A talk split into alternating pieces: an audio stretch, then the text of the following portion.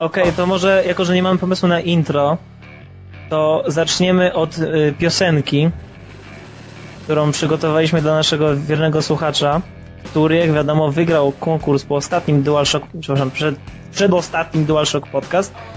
Osobą, która zostawiła komentarz jako pierwszy był Aki. Specjalnie do niego przygotowałem piosenkę. Niestety na razie jest a cappella, ale proszę Bizona, żeby pomógł mi podłożyć odpowiednie tło.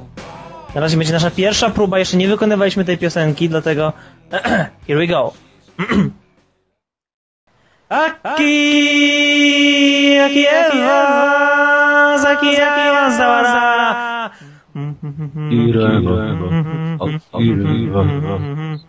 Aki, aki Ewa, zaki Ewa maraba.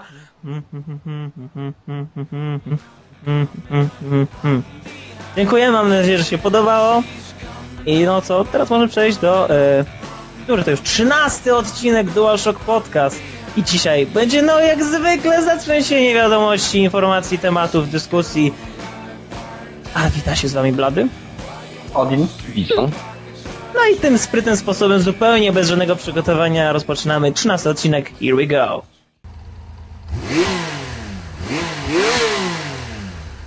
Dobra, więc pierwszym tematem naszego podcastu dzisiaj jest Splinter Cell Conviction. E, I Blady miał już okazję się wypowiedzieć na ten temat, no i teraz ja miałem okazję skończyć tą grę, pograć sobie w nią dłużej, w szczególności na koapie, zobaczyć jak to wygląda z graniem z ludźmi, których znam, ze znajomymi i ogólnie też z nieznajomymi z całego świata.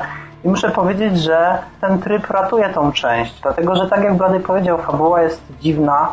Można by powiedzieć, że na sam koniec nie dowiadujemy się niczego nowego. I to jest w sumie smutne, dlatego że od samego początku przez pierwsze mniej więcej 3 godziny, czyli przez 70% gry. Nie, dobra. Przez pierwsze 3 godziny mniej więcej dostajemy mm, tyle, tyle informacji w tak fajny sposób, że gra jest ciekawa, wciągająca, ale jednocześnie ma ten swój fluid taki fajny, że nie czujemy się tak sztywno, że wszystkie przejścia między scenami są takie w miarę normalne, wytłumaczalne, jest naprawdę fajnie ale im głębiej w tą grę się idzie, tym więcej zauważa się problemów i jednym z nich jest na przykład nie klejąca się w ogóle fabuła. Tutaj w Conviction dostajemy praktycznie shooter, mm, który im dłużej w niego gramy, tym bardziej staje się powtarzalny i tym mniej przyjemności sprawia. Splinter Cell był bardzo fajny w formie, w jakiej występował w, w części Double Agent.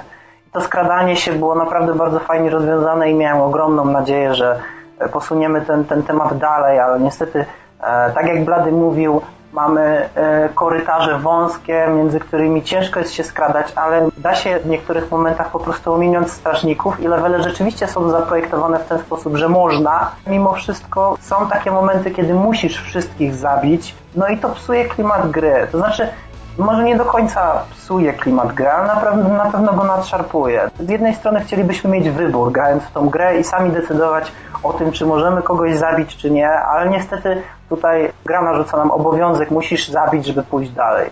E, jeśli chodzi w ogóle o grafikę, to niestety nie jest ona taka, jak sobie wyobrażałem. Szczerze powiedziawszy, e, Double Agent był ładniejszy i to jest po prostu policzek wymierzony Ubi gra jest bardzo źle przeportowana na PC i e, nie jest płynna, liczba FPS-ów stale spada poniżej 30. Jeszcze niektóre CGI nagrane są w ogóle w 16 bitach, co po prostu jest już w czasach, gdzie wszyscy mają 32 bity ustawione, czyli 16 milionów kolorów kompresować je w taki sposób, żeby wyglądały bardzo brzydko, to wołało pomstę do nieba. E, I szczerze powiedziawszy, obraz kupy zwizualizowanej na plaży staje się coraz bliżej. Jeśli chodzi o inteligencję przeciwników, no to jest kolejne niedopracowanie ze strony Ubisoftu, dlatego że mm, jest wiele sytuacji, w których przeciwnicy mogliby być inteligentniejsi.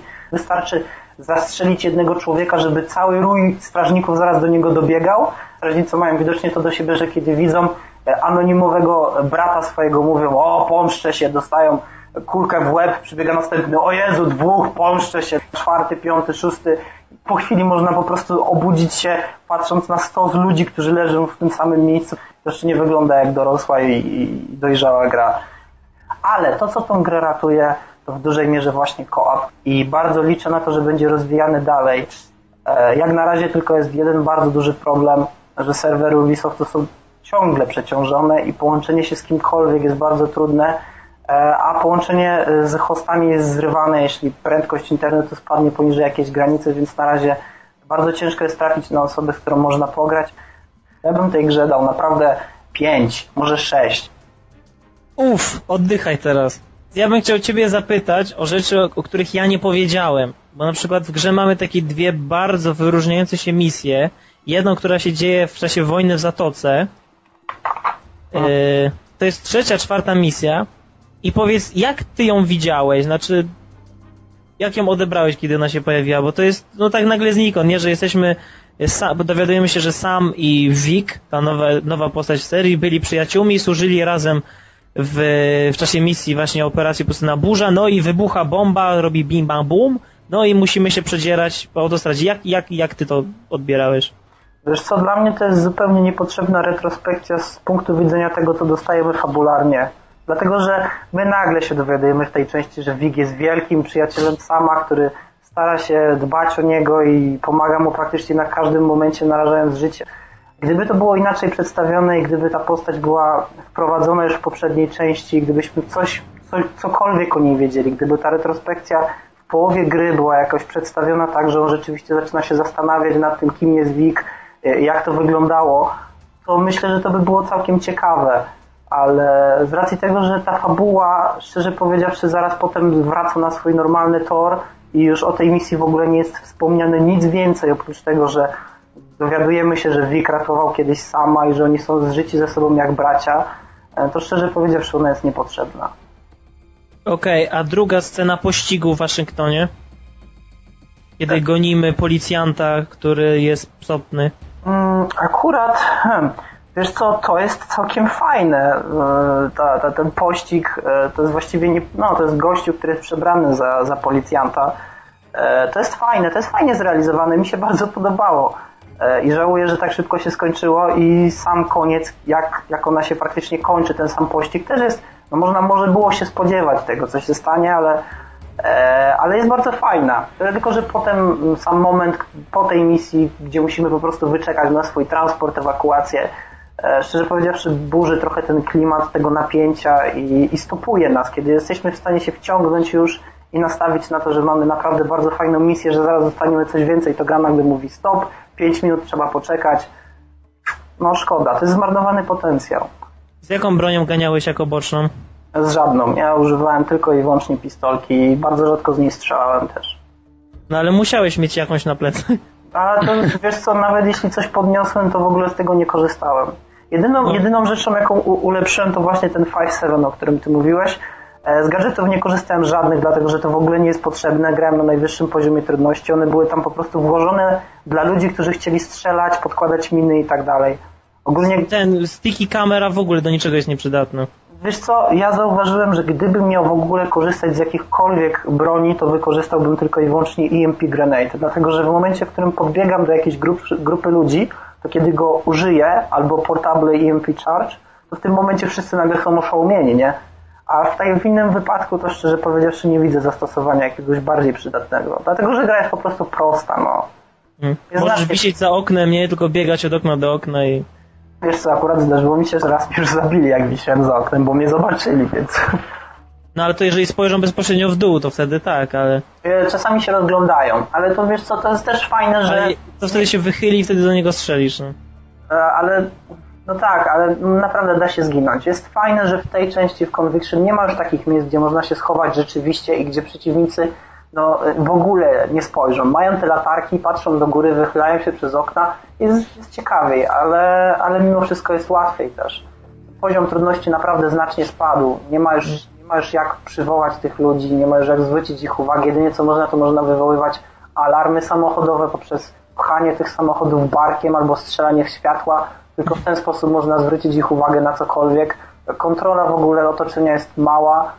Rzeczywiście to jest tylko od punktu A do punktu B zrobić co, się, co trzeba i, i przechodzić ja przez tą grę bardzo szybko. Ja mam takie pytanko, bo przede mną jeszcze jest Conviction dopiero, ale na co my do jasnej cholery czekaliśmy 3 lata?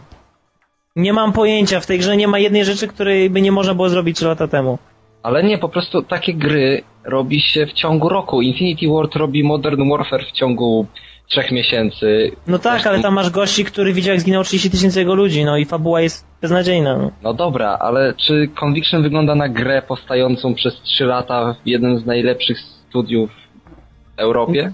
Wiesz co, wygląda jak żart tego studia. z jednej strony na pewno trzeba przyznać, że ścieżka dźwiękowa teraz jest super i że wszystkie odgłosy, jakie słyszysz, są świetne. Jedyne, jedyne co, czego poskąpili, e, to jest e, ilość postaci, która podkłada głosy pod strażników.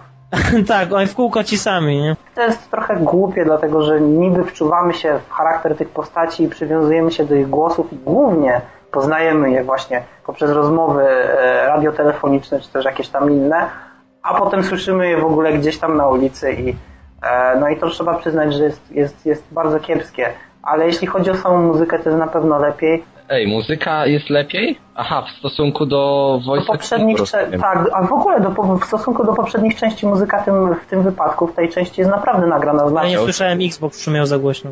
Ja E, muzykę z Double Agent na Była przykład. wspaniała w Double Agent. tak, jasne, że była wspaniała. To Mm, Ale trzeba przyznać, grafika jest szpetna. Tak, i czekaj, bo tutaj Bizon zadał wcześniej pytanie, czy my, na co my czekaliśmy e, te 3 czy 4 lata.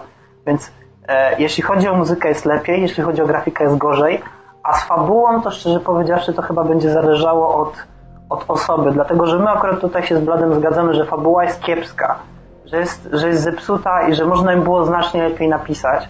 Ale pewnie dla niektórych ludzi będzie tak, że o Jezus Maria, jak fantastycznie. Po prostu dowiadujemy się czegoś, o czym wcześniej, na co wcześniej bym nie wpadł. I te wszystkie przekłamania fabularne i w ogóle ten cały backtracking tej całej historii sama nagle się ujawnia przed nami w tej części i ktoś może sobie pomyśleć, no fantastycznie, po prostu tego nie można było lepiej zrobić. Więc to zależy od osoby. Ja myślę, że mo- można było to lepiej napisać, a powiedziałbym nawet więcej, można było to zrobić zupełnie inaczej na zupełnie inny temat. No, tak naprawdę to jest inna gra Ubi, w którą ktoś włożył sama Fischera. Mhm, tak. Which is sad. E, Coś jeszcze dodasz, bo ogólnie zdajemy sobie sprawę, że jeszcze Bizon nie grał i on też będziemy chcie, chcieli jego zdanie usłyszeć, bo no wszyscy tu jesteśmy fanami serii i skradanek jako takich. Grałem w Deniable Ops. E, grałem z kolegą i uważam, że fabuła Deniable Ops jest świetnym wprowadzeniem i, i chyba to, co jest przerażające, to to, że dla niektórych ludzi ona może być nawet lepsza niż fabuła normalnej gry. Dla mnie tak jest. Dla mnie te przygody Archera i Ruskiego i Amerykańca, no. ja o wiele bardziej im kibicuję, bardziej mnie obchodzi to, co oni robią na misjach i ich misje moim zdaniem są ciekawsze. Mhm. A poza tym oni się w ogóle bardziej, e, bardziej mm, wczuwają w swoje role, dlatego że na przykład kiedy jeden z nich pada i drugi przychodzi, to ten go przeprasza, ten mówi, żeby że więcej tak nie robił. A z Fisherem to mamy tak, że on podchodzi do gościa, przewraca go, zabija i mówi mm, acceptable. Ja nie wiem acceptable what. Resistance acceptable, czy moje akcje są acceptable? Nie czaję. Naprawdę. Nie, nie rozumiem. Nie, bo Fisher czasem komentuje to, jak nam poszło rozbrojenie wrogów. Na przykład, jeżeli nam super świetnie pójdzie, że rozwalimy czterech jak Pantera i nas nie widzi, to mówi "Eh, still got it. Ale wiesz co, takie sytuacje, że zaskoczyłem na jakiegoś gościa, e, w tym samym czasie wstrzałem alarm, wspiąłem się na rurę i usłyszałem, mmm, lata treningu jednak na coś się przydały.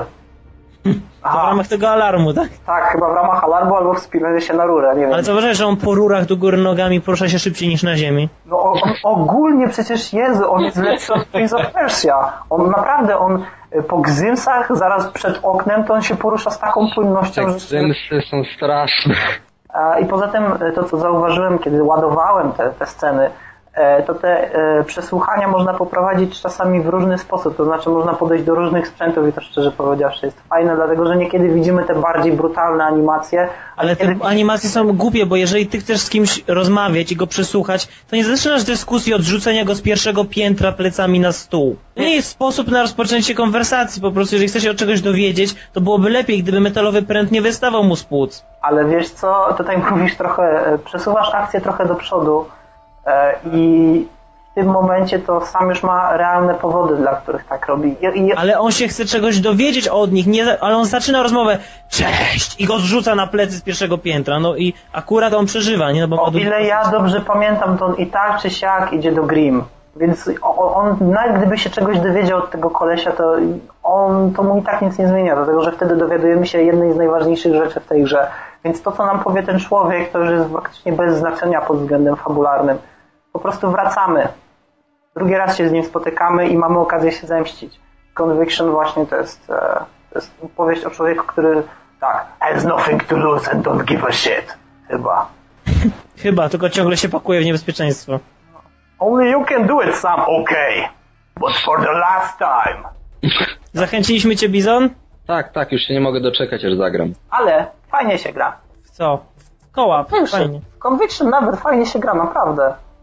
Idź w cholerę. To jest to samo przez całą grę. Jasne, że jest to samo, ale, ale jest przyjemna, no. No to tyle, co Conviction na razie. Jeszcze Bizon będzie. Tak, a potem wszyscy razem w jednym tempie. Wszyscy razem, wszyscy razem. Okej. e, Wiesz, na przykład niektórzy z- y, tak, czytelnicy, nie? albo widzowie, słuchacze, mogliby pomyśleć, że no już za dużo gadamy o Splinter Cell, ale zapominacie ile gadaliśmy o Mass Effect 2. Więc żeby uświetnić ten fakt, że mm, całe dwa tygodnie nie rozmawialiśmy o Mass Effectach, ściągnąłem masę dodatków do tej gry i podzielę się krótko z wami moją opinią na temat DLC Kasumi oraz innymi wynalazkami, bo w ogóle chcemy teraz właśnie przedstawić jakby główny nasz y, wątek, który się będzie przywijał w tym podcaście, mianowicie DLC jako taki, jako rynek ten gry, która już wyszła, ale jakoś ma związek przez internet z producentami, którzy chcą ją rozwijać, zmieniać, dodawać, modyfikować. I teraz, wszyscy wiemy, że początkowo dodatki do Mass Effect 2 były darmowe i to było słodkie ze strony yy, EA, że się zgodzili na coś takiego, słodkie ze strony BioWare, że im się chciało zrobić tego Zaida, że im się chciało zrobić ten y, soczysty Firewalker, czy tam Hammerhead, ten pojazd, że oni nam dali zbroję za darmo, że oni nam dali za darmo, proszę ja ciebie, broń, że oni nam dali drugą broń za darmo. To było miłe z ich strony. No ale później się pojawiła pierwsza płatna rzecz i to był wskaźnik, że coś się złego dzieje. Mianowicie za 160 punktów Microsoft. To na złote. y, na złote 6 zł. Ogólnie jak bierzesz y, kwotę punktów Microsoft, dzielisz ją na 80 i masz odpowiedź w dolarach. Czyli prosto y, dzieląc 108, czekaj, wróć, 160 na 80 to mamy 2, 2 dolary, 2 dolary, 3 zł, dolar 3, dobra. Fakt jest taki, 6 zł płaciłem za zbroję dla Garusa nową, za nowy płaszcz dla Thejna i, i, i okulary i dziwne okulary dla Jack. Ktoś powie, jesteś idiotą, blady, przecież to jest zupełnie niepotrzebne. Okej, e, w miłości, w tym przypadku mojej do tej gry nie ma miejsca na logikę, jednak no fajnie wygląda Garus w tej zbroi.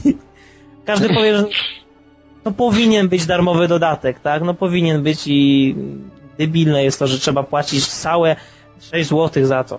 Ale dalej. Wyszedł dodatek Kasumi. Cały niby nowy epizodzik, który daje postać i za horrendalnie wysoką cenę 20 zł. No i ja się długo, że tak powiem, wahałem z zakupem, bo uważam, że to jest, wiesz, niezgodne z w ogóle konwencją o ochronie praw człowieka i y, no nie powinno się tak robić, że za głupi dodatek z jedną postacią, z jedną misją płacę yy, tyle kasy. No ale jestem głupi, więc ściągnąłem ten dodatek, całe 700 megabajtów. 700 megabajtów? To po co gra 700 megabajtów? No proszę cię. Więc, aha, chcę tylko dodać, że po ściągnięciu tych wszystkich dodatków do Mass Effect 2 nie mieszczą mi się już obie płyty po przerzuceniu na dysk twardy gigabajt 20 mojego Xboxa i mogę mieć naraz tylko jedną płytę zainstalowaną, więc jest fajnie. Ale nieważne. Ściągamy dodatek z Kasumi i teraz jak to działa? Jako, że już przeszedłem grę i kontynuuję ją w tym trybie, że okej, zakończyłeś wątek fabularny, ale możesz jeszcze rozmawiać i latać po galaktyce, więc y, pojawia się informacja od Illusive Mana, czyli człowieka iluzji, że o, nawiązając pod kontakt z kolejną osobą, bo tak mało masz osób na pokładzie, Shepard, i mamy dostęp do Kasumi, która od razu jest dostępna do naszych usług, nie musimy dla niej żadnych misji robić na dzień dobry, no ale ona od razu nas informuje, od razu na wstępie, że jest pewna sprawa, którą chciałaby, żebyśmy się zajęli. I ta misja jest naprawdę słodka. Short and sweet. E, zaczyna się jak taki typowy heist movie, ponieważ e, na miejsce lecimy taksówką i tę misję wykonujemy tylko z Kasumi, Shepard i ty. I mamy, ta, mamy takie fajne ujęcia w stylu Ocean's Eleven, jak ona y, opowiada nam o skarbcu, do którego się musimy dostać, jak to y, mm, w ogóle jest taki patent, że Shepard niby idzie na, w odwiedziny do jakiegoś wielkiego bossa mafijnego i daje mu w prezencie statuę i w tej statule są ukryte karabiny, broń i tak dalej. A statua przedstawia Sarena, czyli naszego przeciwnika z pierwszej części.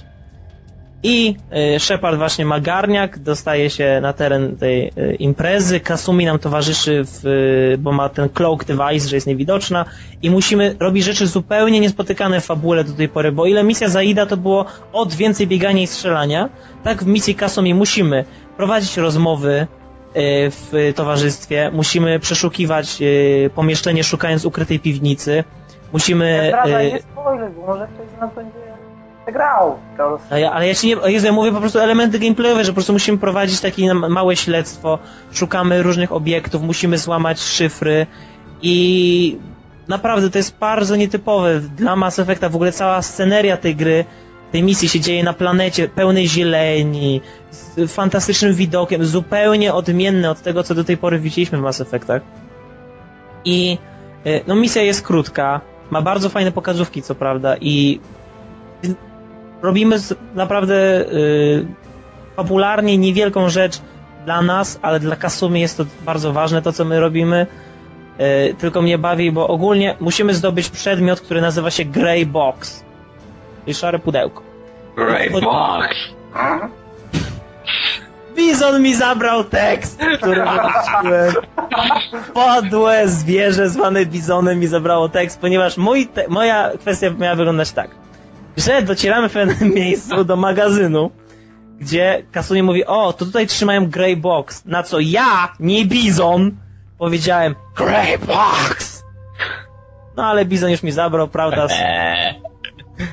Stole my thunder, po prostu jest cock blocker i mi zabrał. No dobra, anyway, także wykonujemy tę misję, jest bardzo przyjemna i Kasumi zostaje się na pokład, do, bo o dziwo jeszcze są wolne miejsca na Normandii i ona ma najlepszą po prostu miejscówkę na ziemi.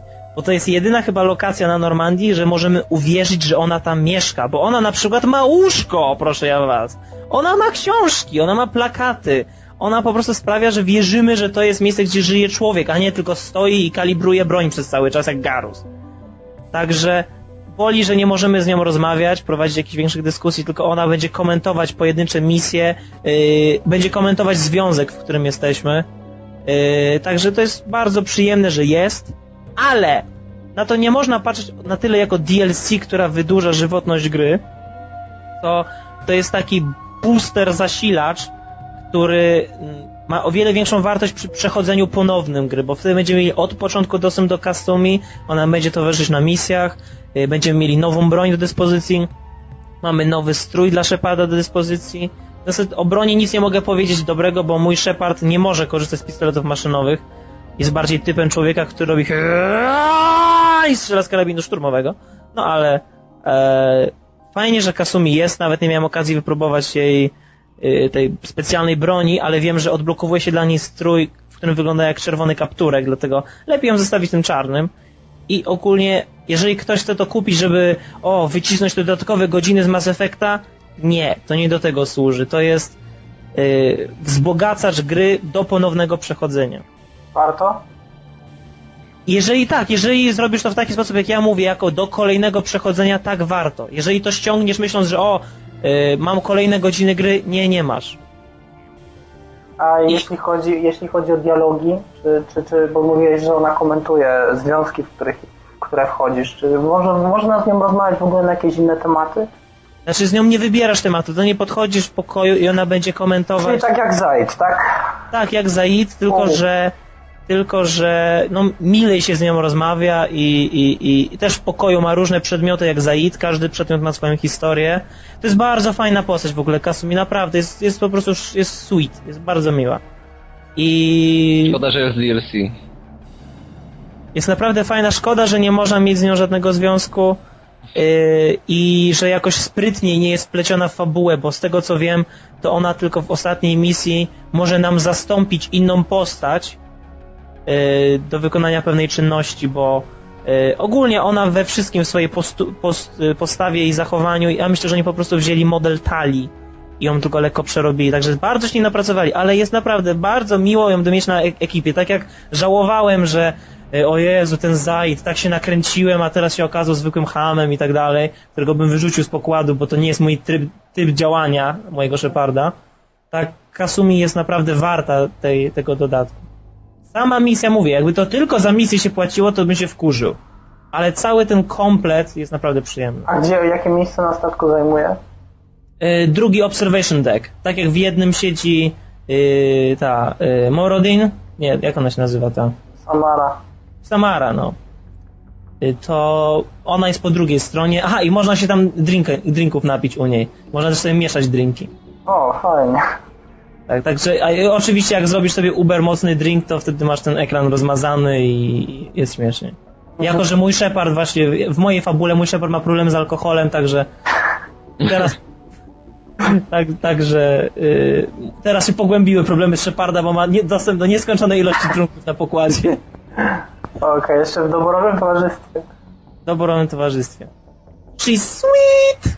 Okej, okej. No czyli, czyli co możesz powiedzieć? Że warto jest e, dla każdego użytkownika, który korzysta e, tam z Microsoft Light Points i tak dalej, zakupić sobie Samarę, dodać ją do gry.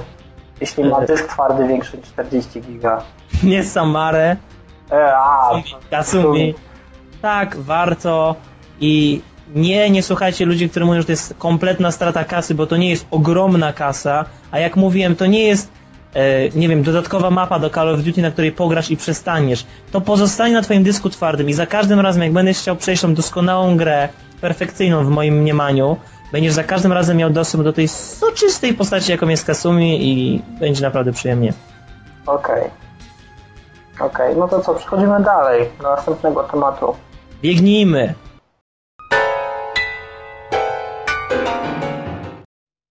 Czyli teraz zaczynamy temat, o Jezus, krótko. Innymi słowy, temat DRM, czyli Digital Rights Management, czyli zarządzanie treścią multimedialnie. Zarządzanie treściami internetowymi, czy jakimiś... Ale się przygotowaliśmy?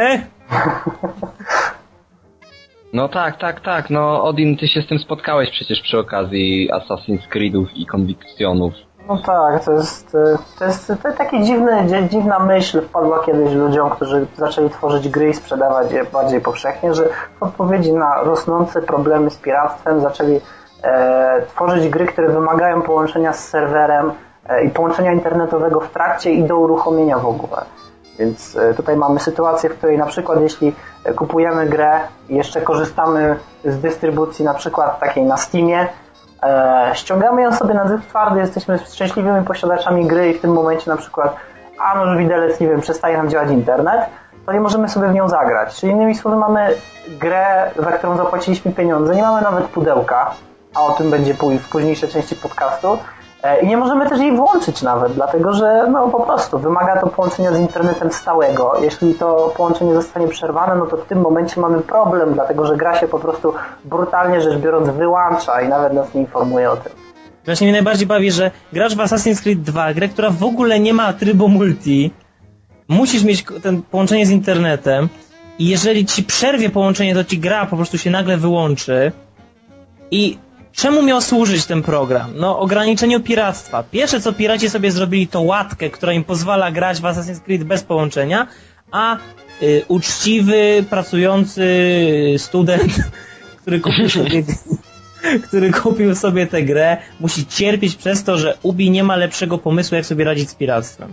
Coraz bardziej to się zaostrza, dlatego że w odpowiedzi na to, że ta grupa Skid Row stworzyła sobie wirtualny emulator tego serwera, a co bardziej inteligentni użytkownicy po prostu zo- zobaczyli z jakimi serwerami gra się łączy. e, i przekierowali te serwery gdzie indziej, także grze się wyda- wydawało, że jest połączenie z internetem, a nigdy się z serwerem nie łączyła, to w odpowiedzi na to będą powstawały coraz bardziej skomplikowane te metody, aż w końcu dojdziemy do takiego poziomu, że będziemy musieli odcisk palca swój składać, zanim, zanim uruchomimy grę. I to szczerze powiedziawszy coraz bardziej mnie denerwuje. Będzie handel kończynami wtedy na Allegro. Sprzedam palec do gry w Splinter Cell Conviction. Nie, dobra, dobra, nie. Przecież ten handel palcami. jakiś ten, jakiś element z tego rzeczywiście może kiedyś zaistnieć, jak podawanie kluczy, albo pesli, albo czegoś takiego związanego z twoimi osobistymi danymi, których naprawdę, no, które naprawdę ciężko jest skopiować, nie? ostatecznie będziemy musieli się rejestrować imiennie pod jakąś grę. Ale mnie najbardziej bawi, że w tym wszystkim, jak ci pecetowcy cierpią, to Sony wprowadza tak zwany game sharing, który pozwala nam udostępniać naszym przyjaciołom z listy gry zupełnie za darmo i bez żadnych konsekwencji prawnych. Jeżeli na przykład jesteśmy posiadaczami Warhawka, tego kupionego przez PSN, to my możemy tak, zapłaciliśmy sobie tak za tego Warhawka, tymi pieniędzmi prawdziwymi, bo na PlayStation nie ma jakichś głupich punktów, tylko mamy normalnie fizyczne pieniądze. Kupiliśmy sobie tego Warhawka, zaznaczam sobie powiedzmy Odina, który sobie kupił PlayStation, klikam mu share this game with him, on sobie ściąga tę grę i nie tylko on może zupełnie legalnie grać w Warhawka, to my możemy we dwójkę jednocześnie w tego Warhawka grać w internecie. Ale czy, jest, e, czy są jakieś e, te ograniczenia licencyjne, ile osobom, ilu osobom możesz udostępnić? Ponoć jest, chyba jest 10, ale i tak sam fakt, że możesz koledze udostępnić zupełnie za darmo grę jest niesamowity dla mnie i Mhm. producenci się wkurzyli na to. Jest na przykład, już prowadzili je twórcy Final Fight czy Final Night, jak się nazywa ta bijatyka? Dobra, E. fakt jest taki, że Final Fight, Final Night, nieważne. Oni wprowadzili taką zasadę, że tak możesz szerować grę dla kolegi, ale po tym on może z jej korzystać przez te 24 godziny i albo znowu przez następne 24 godziny korzysta, albo jakby te działanie wraca do ciebie. Nie możecie grać jednocześnie. Aha. Ale i tak sam fakt po prostu, że Sony, kiedy wszyscy tak walczą z tymi piratami i blokują, oni mówią wprost, ludzie, bawcie się, nie? To No jest to jest bardzo fajne, to bardzo pozytywne. Mam nadzieję, że, że tego nie schrzanią te dystrybucje wirtualne, wiesz, że bo to coraz częściej można spotkać się z tym, że e, trudniej jest kupić produkt e, fizycznie, iść do sklepu, dać pieniądze i wziąć sobie pudełko z grą, przy okazji, wiesz, jeszcze instrukcja obsługi, jakieś arty i nie wiem, dodatki e, umieszczone przez No producenta. wiesz, teraz te instrukcje obsługi są tak grube i tak bogate. Ale nie, chodzi mi o to, wiesz, że na przykład do niektórych gier rzeczywiście przyda Ci się instrukcja obsługi. Do Metal Gear Solid trójki, jeśli masz instrukcję obsługi na samym początku, to jest Ci o wiele łatwiej, bo masz wytłumaczone praktycznie wszystkie taktyki, które możesz stosować. Ja. mam instrukcję do tego, do pierwszych komandosów. To ta gra jest tak prosta, a instrukcja chyba ma 40 stron. No ale to mimo wszystko to jest pozytywny aspekt kupowania gier e, fizycznie, że dostajesz jakiś e, dowód na to, że masz tą grę, możesz sobie położyć Mhm. pudełko i na nią spojrzeć.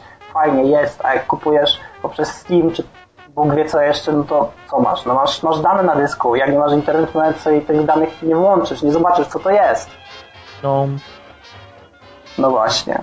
I chyba tutaj możemy płynnie przejść do następnego tematu. Bizon! No ja tu jestem cały czas, słucham was przecież. Wróciłeś w ogóle ten temat, więc... Wiem, wiem, wiem, no bo ogólnie teraz y, ta generacja konsol jakby odpaliła to, co mamy, czyli że ludzie zaczynają też ściągać te gry, które są no tylko do ściągnięcia, nie kupisz ich w pudełku, nie? I tutaj pojawia się jeszcze jedna rzecz, w ogóle niedługo zapewne gry przestaną się w ogóle pojawiać w pudełkach, przynajmniej ta, z taką inicjatywą wyszli ci ludzie, którzy, nie wiem, stworzyli to OnLive, które no miało niby te swoje pierwsze beta testy i okazuje się, że to wcale nie działa tak jak, tak jak oni by myśleli, bo co innego, jeżeli ściągamy te gierki u siebie tam na dysk i możemy sobie w nie pograć, nie? Tak jak to, nie wiem, z Braid było, nie wiem, wygraliście w Braid na przykład? Nie. Ja bym chciał bardzo mieć Braid w pudełku, bo to jest przepiękna gra i Świetna ona jest, tylko jest właśnie do ściągnięcia przez sieć. Ja bym ją chciał mieć w pudełku i nawet jak nie mam internetu, żebym mógł sobie ją zainstalować czy coś. Ja w jednym podcaście starałem się o niej powiedzieć i wtedy coś tam zapomniałem tej nazwy. Omawiałem koniec gry, więc A, już wiem, pamiętam. właśnie, właśnie. Ja chcę teraz powiedzieć raczej o tym online, bo wszyscy wiemy, że no, to raczej nie przejdzie tak, żebyśmy ściągali zawsze te gry na nasz dysk. Ale jest zupełnie coś innego, jeżeli będzie ta Na dystrybucja. pewno jeżeli masz dysk 20 GB na Xboxie. No właśnie o tym mówię, nie? że kiedyś ta, ta pojemność musi się skończyć, więc nie możemy mieć wszystkich gier na swoim dysku, nie? Musimy mieć jakiś nośnik.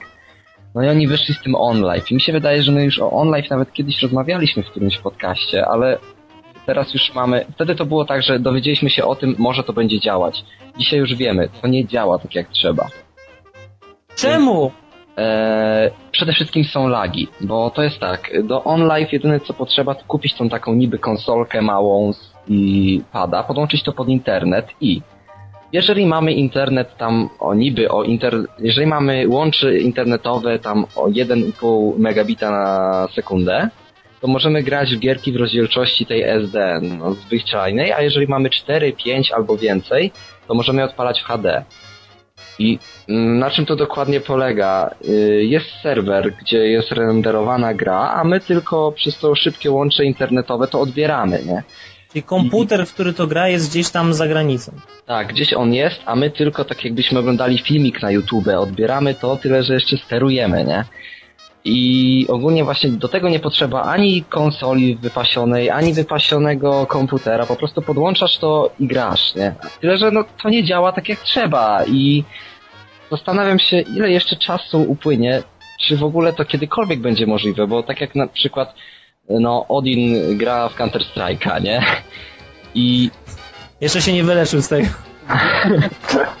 Wyobraź sobie teraz Odina, który gra w Counter Strike'a i ma jakieś lagi tylko przez to, że gra na jakimś serwerze, który gdzieś tam stoi. O Jezu, to by nowy słownik przekleństw powstał wtedy. No dobra, ale on live było podobno, to ma działać, nie? I pokazali to w 2009 na Game Developers Conference. Później gdzieś tam jeszcze na jakichś targach, bodajże na E3 zrobili już grywalną prezentację, trwały te beta testy.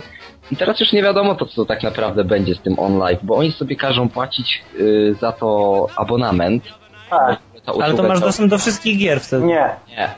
Jak nie? Tylko do, do demek masz wtedy dostęp. Płacisz abonament i dodatkowo jeszcze za gry będziesz musiał dopłacać. Nie, nie, to Ja właśnie, ja, ale przecież, o, prze, przepraszam, to, to gdzie jest ta obietnica? Przecież to było to, co mnie najbardziej do tego zachęciło, że to jakby płacisz za platformę z grami i masz dostęp do wszystkich gier na tej platformie.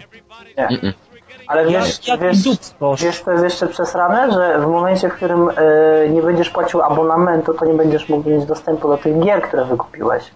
Pizda jak chuj. Kiedyś, i kiedyś słyszałem nawet opinię, że żeby on live mógł cały czas e, wzbogacać swoje usługi i stawać się coraz bardziej friendly user, to będą musieli wprowadzić czasowe wykupywania gry, czyli to nie będzie tak, że ty sobie kupisz, znaczy to może nie być tak, że ty sobie wykupisz grę i ona już na zawsze będzie niby twoja, no bo ona tak, tak w sumie też nie będzie twoja, tylko ona będzie gdzieś tam na jakimś No serwerze.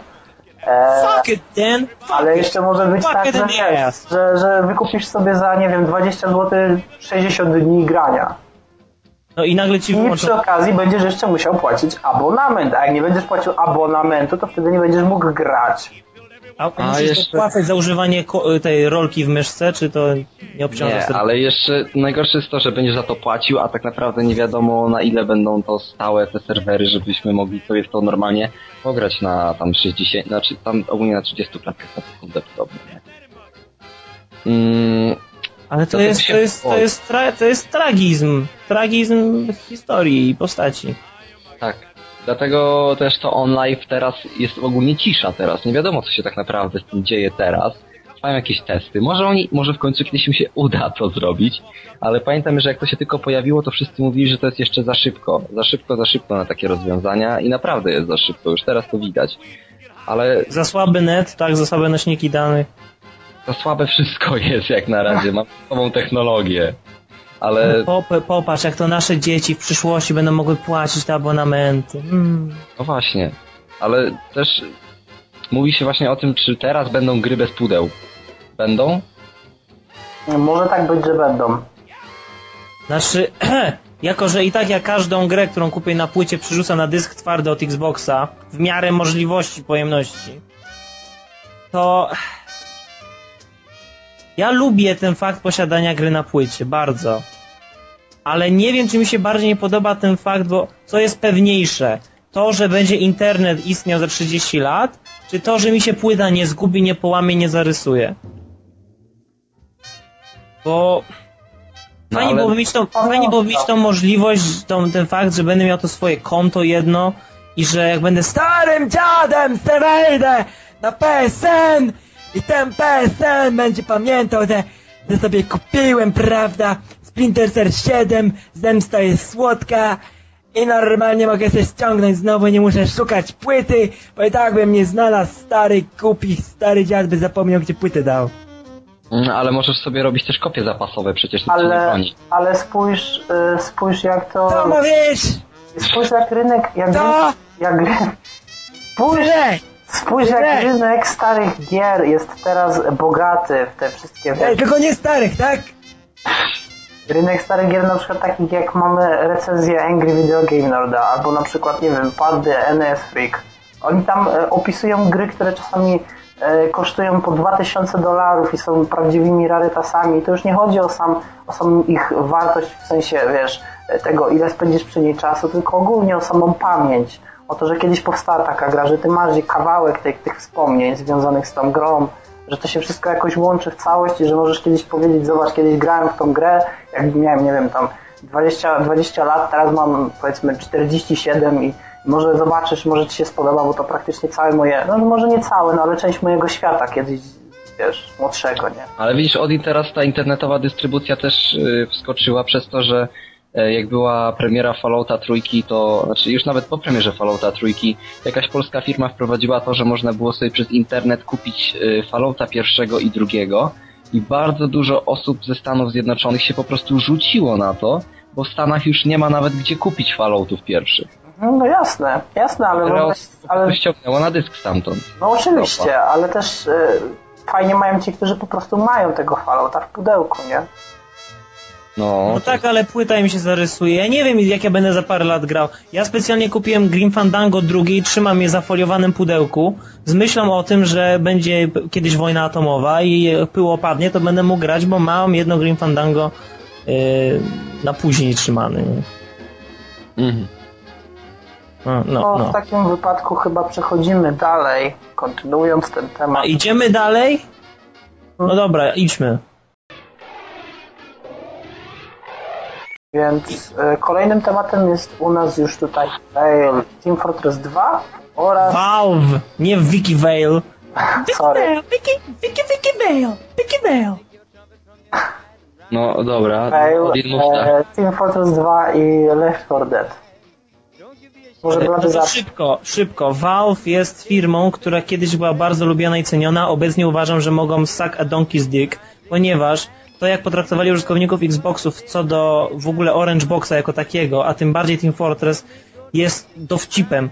Yy, bo posiadacze PC-owej wersji Team Fortress po pierwsze i najważniejsze mieli dostęp do meczy na chyba 64 graczy, czego największy mecz jaki możesz założyć w wersji Xboxowej to jest chyba 32 graczy. Dalej, ciągle był problem z serwerami, a ci powtarzali tak, tak, naprawimy, naprawimy i coś tam grzebali, ale chyba w końcu nigdy nie naprawili. Ale do czego dążę?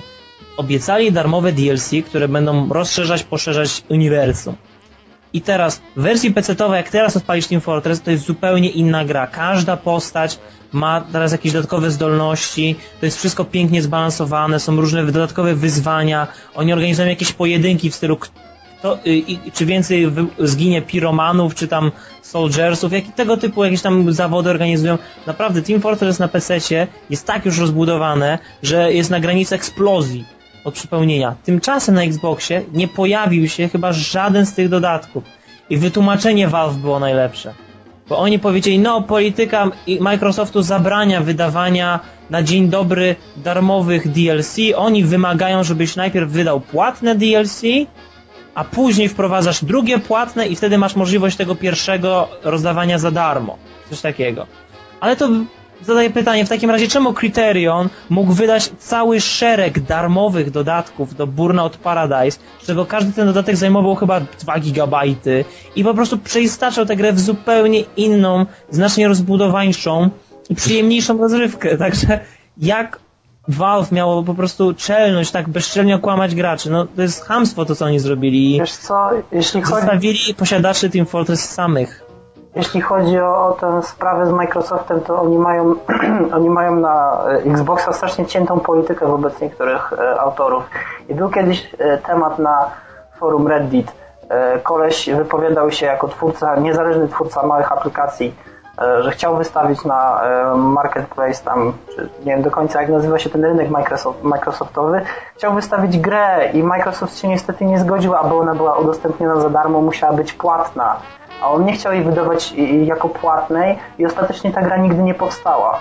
Musiał się przenieść chyba na, na, na jakieś konkretnie inne platformy dystrybucji. Tak czy siak Microsoft robi wielkie wałki, jeśli chodzi o, o takie... No ale to czemu Criterion mógł wydać te dodatki wszystkie? Mówię Ci, że to jest kwestia po prostu tego, jak oni traktują konkretnych, e, konkretnych nie wiem, autorów gier. No nie, nie wiem, nie potrafię Ci odpowiedzieć na to pytanie. Jeśli chodzi o Microsoft, to można, e, to można tutaj e, po prostu no, właściwie zgodzić się z faktem, że to nie jest firma, która zachowuje się fair i niektórych traktuje To jest korporacją, no. Tu dupia, no najprościej. No. No ale to nie, jedyna, ale to Tak, nie jest dobrze, jedyna dobrze gra. powiedzieliście, Dobrze, dobrze. To nie jest jedyna gra, którą Valve po prostu obesrało. No tak. Tak, bo mamy, mamy tutaj e, Left 4 Dead 2 jako przykład też taki. Mm, Kiedy Left 4 Dead 1 e, gra, która naprawdę starzała się bardzo powoli i użytkownicy zaczęli po prostu podsuwać kolejne pomysły e, Veil, że można stu... Valve! O, Veil, okej. Przed chwilą sam zresztą Gear. powiedziałeś, że nie chciałem ci przerywać. Wiki Vale. Więc mamy e, tutaj przykład tego, że ludzie ze społeczności Left 4 Dead pisali po prostu posty na forum, że można dodać to, można dodać to. Ostatecznie update'ów było chyba dwa, które nie wprowadziły kompletnie, nie przepraszam, było ich sześć, sześć dokładnie chyba.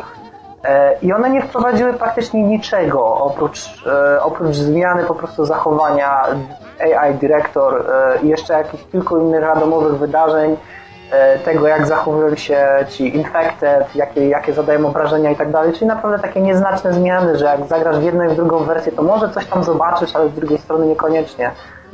I na podstawie tego, co sugerowali użytkownicy właśnie z tej społeczności, Left 4 Dead powstała po prostu druga część, która wykorzystała większość z tych pomysłów i ludzie poczuli, poczuli się po prostu oszukani. E, I w dużej mierze ja jako zacięty gracz pierwszej i drugiej części mogę powiedzieć, że szczerze powiedziawszy wygodniej, wygodniej i przyjemniej gra się w jedynkę. A dwójka po prostu jest też inną grą e, i to też zależy od osoby, czy ci się spodoba, czy nie. Dużo osób wraca po prostu do pierwszej części. Ale to jest paskudne, co oni zrobili, że zamiast wydać to jako DLC, już nawet płatne, no dobra, ale zawsze oni obiecali, że właśnie w grach Valve to było super, że była ta współpraca z tą społecznością, że oni słuchali tych graczy, a tutaj, pewnie no co wy, przecież to marketing jest, nie? No i niestety na tym polega jednak rynek. e, Mam lepsze pytanie, Valve. Gdzie trzeci epizod Half-Life? Hello! Ha, Zgubił się.